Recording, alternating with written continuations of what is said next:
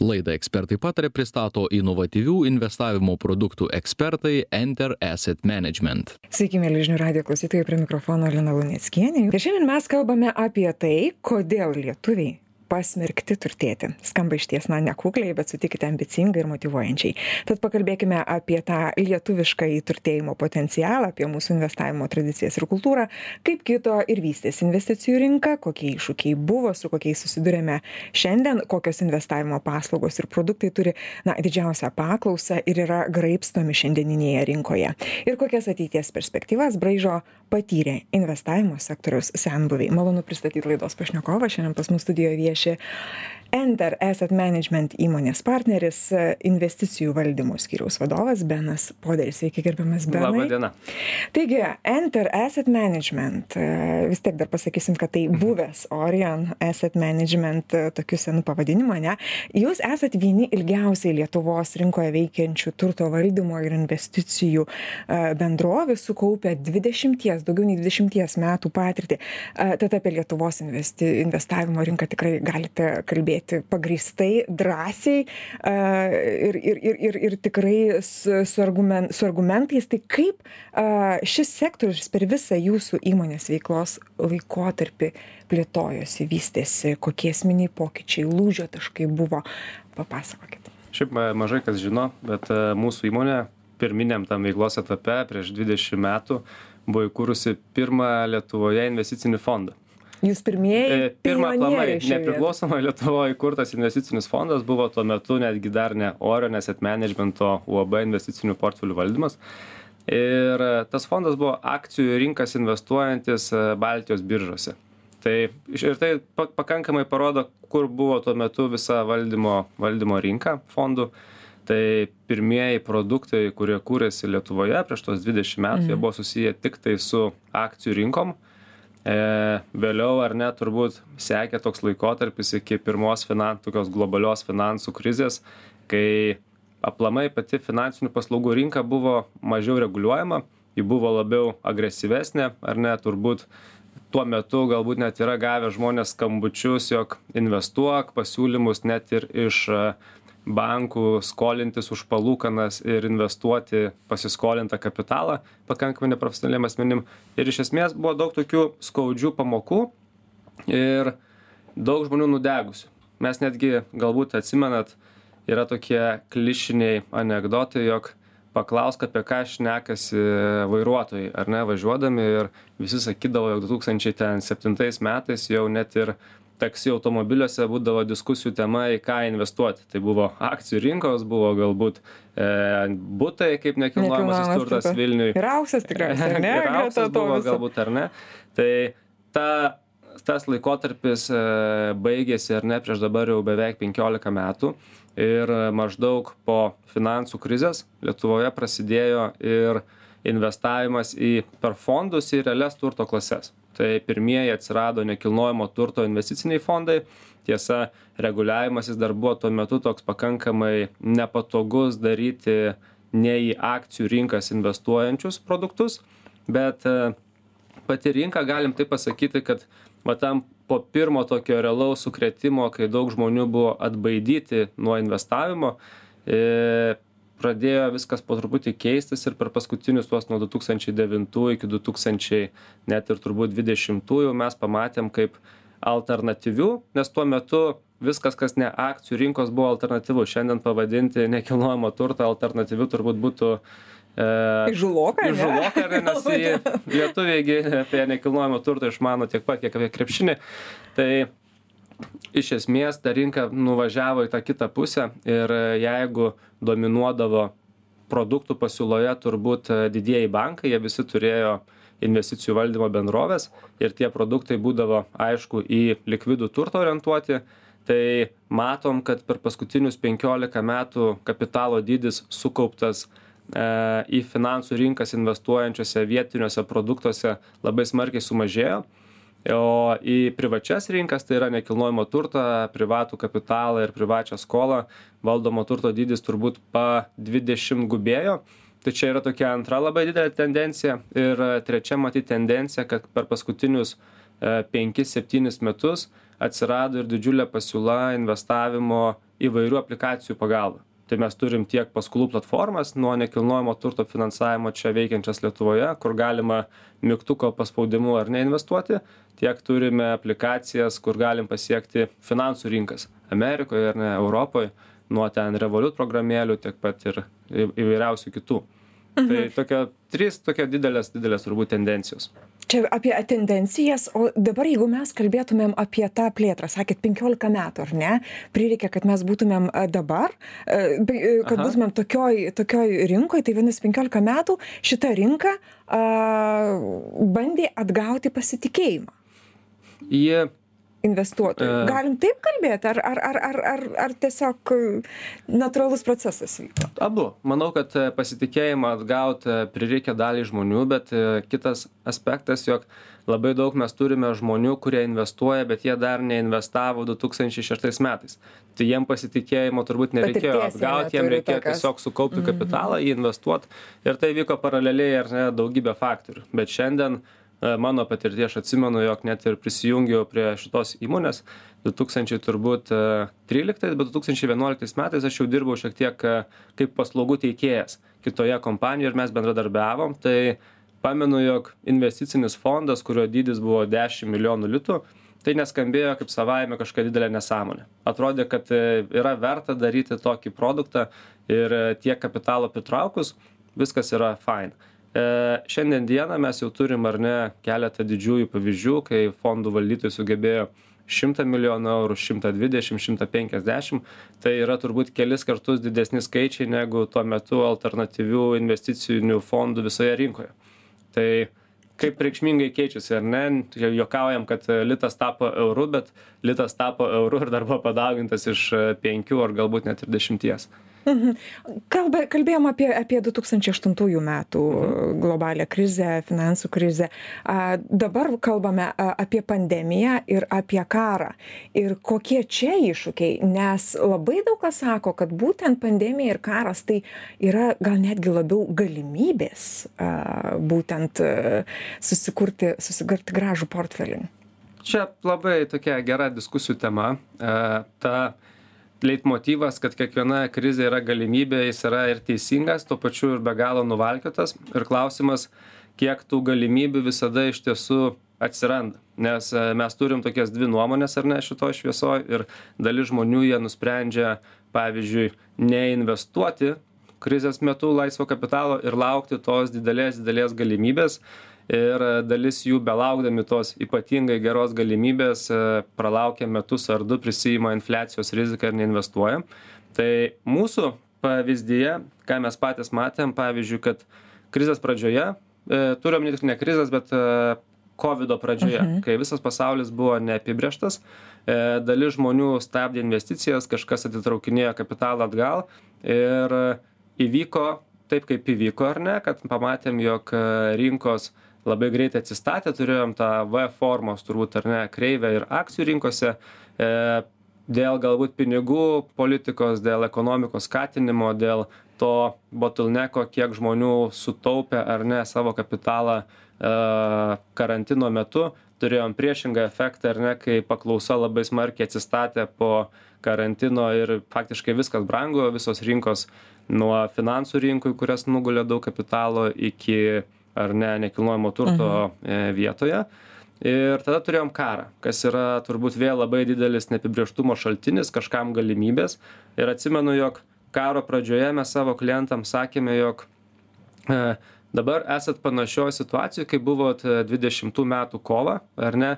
Ir visi galvojat kad reikia stabdyti yra neapibrėžtumas. Ir mes sakėm deja bet praeis du mėnesiai karas nepasikeis ar ne? Tikimės turbūt jo ilgo ir jeigu jūs dabar neinvestuosit tiesiog laikysit savo pinigus klausimas kodėl?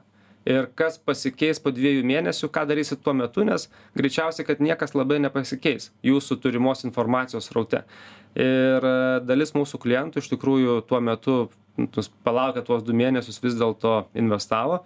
Ir mes dvidešimt antrus metus turėjom rekordinių žmonių naujų investicijų prasme ir tikrai dvidešim antri metai privačiose rinkose jie buvo labai sėkmingi. Nekilnojamo turto rinka dar labai ar ne iš inercijos važiavo.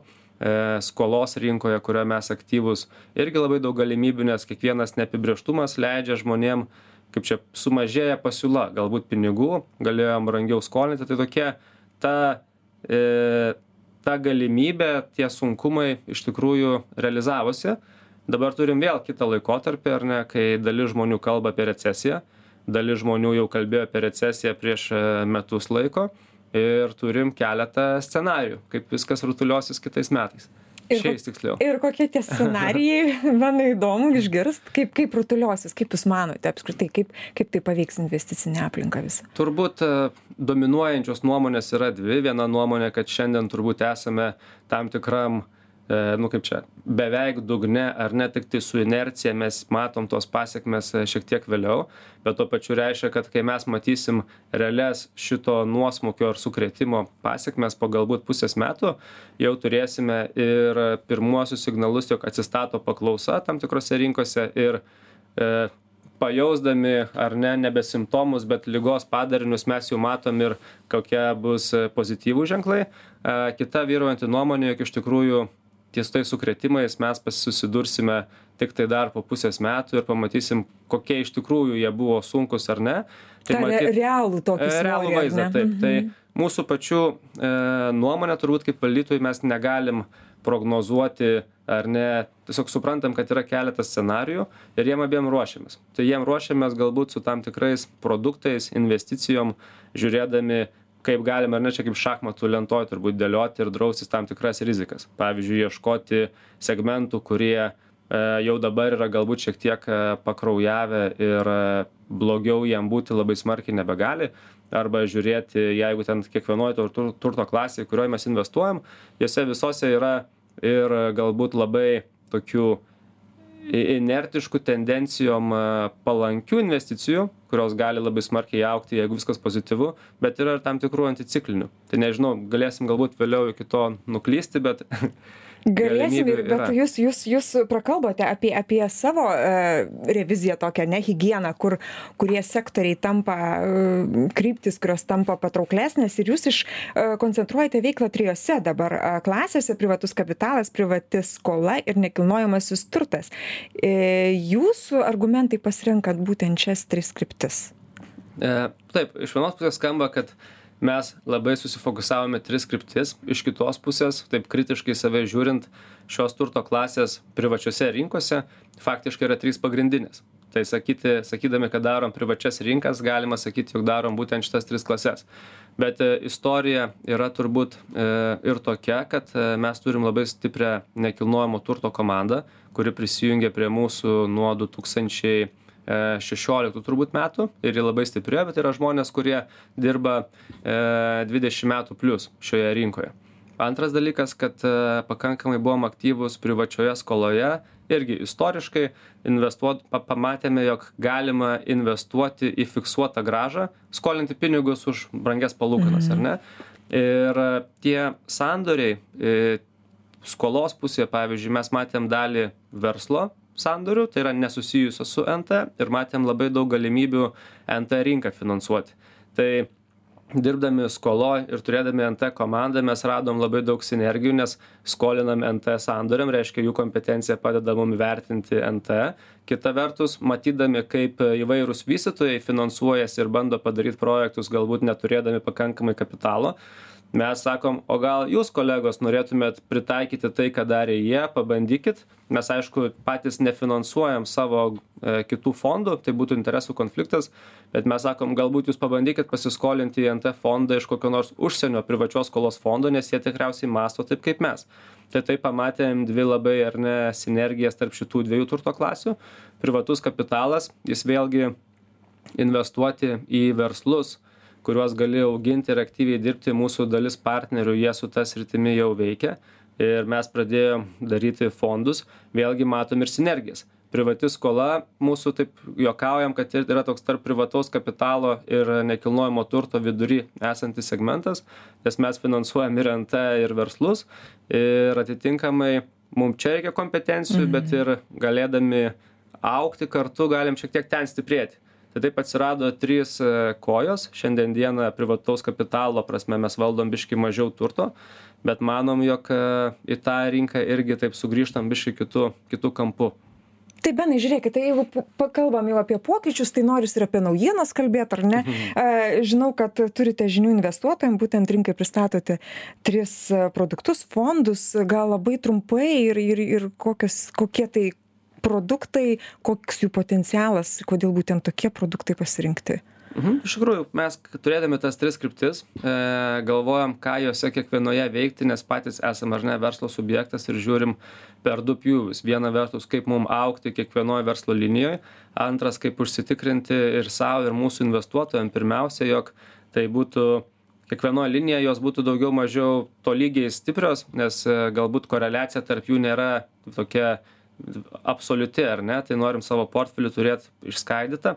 Ir šiandien dieną nekilnojamam turte mes matom kad reikia ieškoti šiek tiek anticiklinių investavimo galimybių. Labai didelį potencialą matom socialinėj infrastruktūroj nes socialinė infrastruktūra ar ne visų pirma tai yra objektai kurie būtini paslaugoms ir paslaugoms kurios yra būtinos visuomenei tai ar ne švietimas tai yra medicina tai galbūt yra e senjorų globa slauga.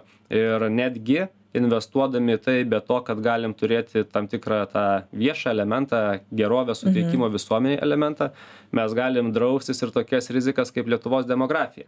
Nes demografijai blogėjant investuodami ar ne į senjorų globos slaugą mums šita tendencija yra naudinga investavimo prasme tai čia taip labai trumpai apie nekilnojamą turtą. Einame toks arčiausiai produktas būtent socialinė infrastruktūra. E privačiam kapitale mes ieškome šiek tiek e, nišų ir ieškome nišų pagal savo ankstesnę patirtį. Tai mums šiandien dieną atrodo e, labai patrauklios ir įdomios yra būtent alternatyvaus finansavimo tema kaip verslas nes mes patys ar ne e, finansuojam. Reiškia matom galimybę investuoti ir į verslus kurie užsiima alternatyviu finansavimu ir galvojam kad reikia turbūt kurti produktą į tą kryptį. E kita tema kuri mums irgi šiandien be galo įdomi visame kontekste turbūt geopolitikos yra e energetika. Alternatyvi energetika skamba galbūt kaip ir nuvalkiota tema bet matydami tokias dideles ar ne makro tendencijas kaip e, galbūt augantis ar ne elektros vartojimas išjungiami purvini elektros šaltiniai tam tikra konjunktūra elektros sistemos lietuvoje baltijos šalyse lenkijoje. Mes e, turbūt tikime ne turbūt o tikime ir šita šita industrija ir benai žiūrėkit nu po truputėlį einam į pabaigą bet e dar du momentai kuriuos noriu su jumis aptarti. Tai būtent e jūsų autorystė jūsų citata kurią kurios labai negaliu išvengt nepasakyti nes jūs pasakėt kad lietuviai tiesiog na priversti turtėti ar ne? Pasmerkti gal net. Pasmerkti priversti pasmerkti teisingai.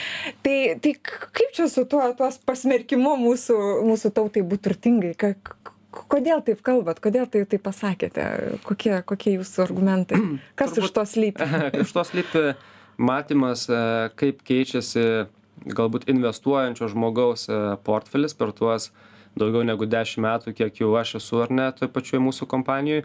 Matom kiek auga investuojančių žmonių. Ir e, kitas dalykas jog iš tikrųjų pagal šiandien dieną lietuvos jau sukuriamą bendrą vidaus produktą analizuodami kai kurias kitas šalis kiek jos turėjo sukaupto turto su tokiu pačiu bvp vienam žmogui dydžiu prieš dvidešim metų prieš dešim mes galim daryti tam tikras prielaidas kad e, po dešimties ar dvidešim metų mes būsim ten kur kai kurios šalys buvo šiandien su panašiu bvp lygiu. Tai taip tiesiog labai elementariai matematiškai skaičiuodami mes matom manome kad e investicinis portfelis lietuvių per ateinančius dešim metų jis turėtų padvigubėti. O kaip kalbant apie raštingumą mūsų investi tą tą investavimo meistrystę ar ne? Kaip kaip čia lietuviai kokia čia evoliucija vyksta? Nes iš tiesų dabar labai daug informacijos apie apie bandyk investuot išmok investuoti ar ne? A kai kaip kaip jūs matot šitą situaciją? Kaip jūs ją vertinate? Tie per investicija per bandymus ane? Mokymasis per bandymus. Ką kokie jūsų argumentai kontrargumentai rizikos. Aš už tai kad žmonės investuotų. Ta prasme jeigu gali skirti net ir šiaip už tai kad žmonės gautų tą raštingumą bet jeigu reikia rinktis ar nežinau investuoti su šimtu eurų per tam tikrą aplikaciją kad įgyti skausmingas pamokas bet po to investuoti ar ne profesionaliau versus neinvestuoti manau kad tą padaryti reikia tiek kiek kiekvieno galimybių riboje. Bet aišku jeigu įmanoma prieiti prie to profesionaliau su daugiau bazinių žinių esu be abejo už tai. Mūsų raštingumas jis auga e, jis yra nepakankamas turbūt nes pripažinkim e, mūsų mokyklose apie tai yra šnekama labai mažai arba nešnekama. Skurdžiai. mūsų universitetuose atitinkamai mes kartais turim studentų arba praktikantų kurie baigė specializuotą e, universitetą lyg ir tai sričiai ir jie nežino bazinių sąvokų apie tai su kuo mes dirbam investavime kiekvieną dieną. Tai reiškia kad tie kursai jie yra nelabai pritaikyti realiam ar ne gyvenimui bet tai keičiasi. E, tai keičiasi ar ne vis daugėja straipsnių blogų e, viešos informacijos ir daugėja investavimo produktų įvairiom prasmėm tai aš tikrai esu labai pozityviai nusiteikęs kad situacija tiktai gerės Ir benai pabaigai, kodėl pakeitėt prekės ženklą, pavadinimą savo? Kodėl prireikė, kokias priežastis lėmė? E, priežastys turbūt yra kelios E, viena priežastis kad mūsų įmonė kaip e, orion asset management tuo metu turbūt jau keletą metų vykdė tam tikrus pokyčius mes atsisakėm viešų rinkų produktų specializavomės būtent nt privati skola privatus kapitalas. Mūsų šitas verslas labai augo ir mum reikėjo naujo rūbo naujam plėtros etapui antras dalykas jog pakeliui pasikeitė akcininkų struktūra ir galbūt labai daug žmonių painioja orion. Orion jie nežino kas yra orion asset management ar orion securities ir šitų dviejų įmonių veiklos jos yra skirtingos skirtingi akcininkai skirtingos paslaugos. Tad mum reikėjo ir identiteto savo kad mūsų nepainiotų. Ir turbūt trečia tokia galbūt ir nedidelė priežastis mūsų ir pats kolektyvas norėjo naujos jėgos tai naujai energijai naujo starto Inspiracijos tokios, ar ne? tai irgi Šviežumo. davėm tą Tai žalią sėkmės, tai sėkmės, e, sėkmės su naujų rūmų, kaip sakėte. E, Žinių radio klausytojams noriu priminti, kad šiandien laidoje svečiavosi Enter Asset Management įmonės partneris, investicijų valdymo skiriaus vadovas Benas Poderis. Jį kalbino aš Lina Uneskienės ir toliau likite su žinių radio. Gražiams dienų. Laidą ekspertai patarė pristato inovatyvių investavimo produktų ekspertai Enter Asset Management.